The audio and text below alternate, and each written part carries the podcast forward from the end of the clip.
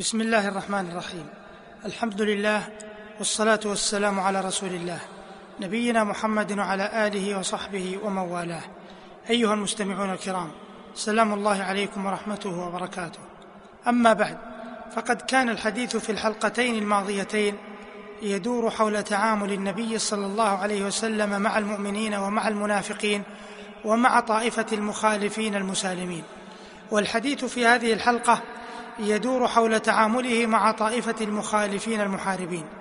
فهؤلاء يخرج لهم عليه الصلاة والسلام في مظهر الحزم والاحتراس ويدفعهم بالتي هي أحكم وأعدل فيرفق بهم إن كان هناك موضع للرفق ويأخذ فيهم بسنة الحزم إن طغى بهم الشر فلم يكن الرفق ليزيدهم إلا تمردا. فإذا أذن صلوات الله وسلامه عليه بقتل كعب بن الأشرف فلأن كعبا هذا كان شاعرا وكان يهجو رسول الله صلى الله عليه وسلم ويحرض عليه كفار قريش ويفعل بعد هذا شيئا وهو أشد على قلوب العرب من وقع السهام النافذة وهو أنه كان يشبب بنساء المسلمين.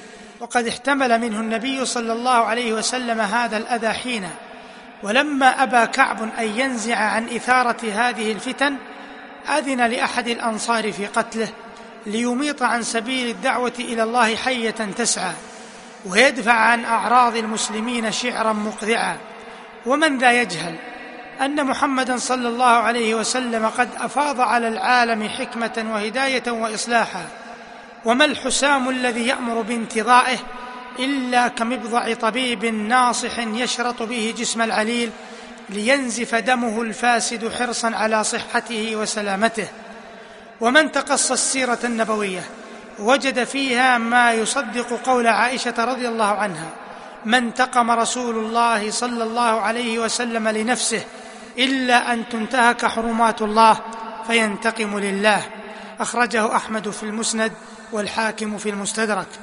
فالنبي عليه الصلاة والسلام لم يقاتل الذين يفسدون في الأرض ولا يصلحون حرصا على حياته وإنما كان يقاتلهم حرصا على حياة الفضيلة وظهور الحق وإقامة نظم المدنية المهذبة ولكن الناشئين على اللهو واتباع الشهوات لا يفقهون.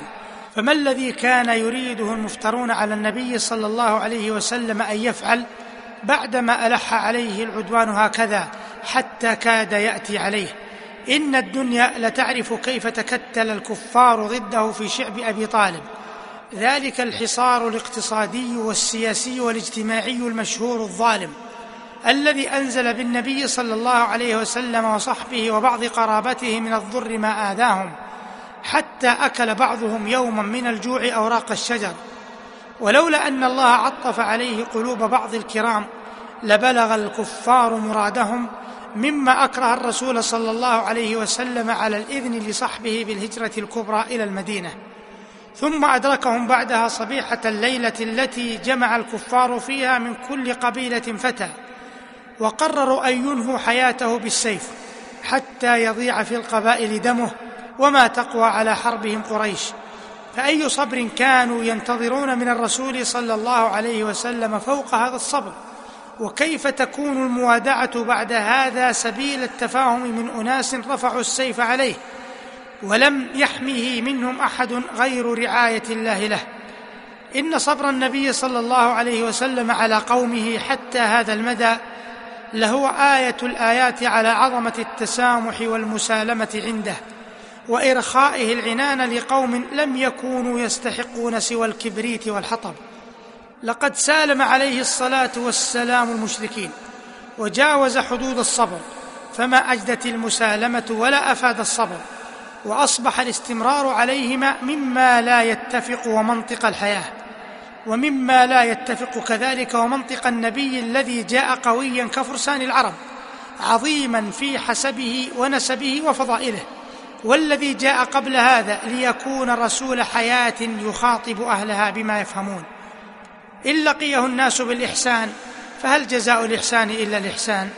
وإن كانت الأخرى فدين محمد صلى الله عليه وسلم فيه ترياق السموم وقرع الحديد بالفولاذ ومن عجب أن ما اتخذه محمد صلوات الله عليه سلوكا لنفسه وطريقا لحماية دعوته منذ القرون الطوال هو نفسه الطريق الذي آثرته البشرية دون غيره لضمان البقاء.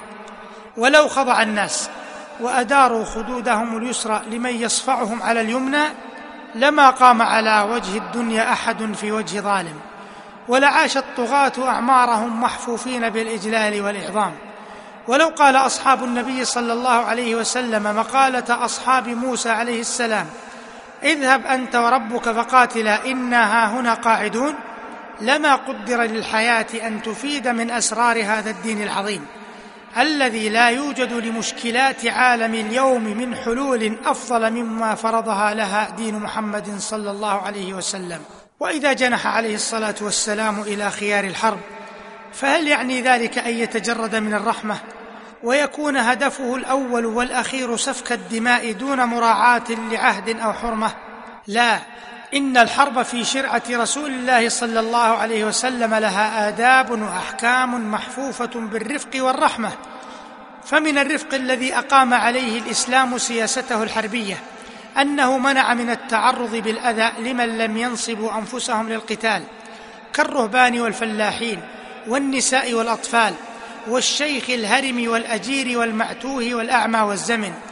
ومن الفقهاء من لا يجيز قتل الأعمى والزمن ولو كان ذوي رأي في الحرب وتدبير.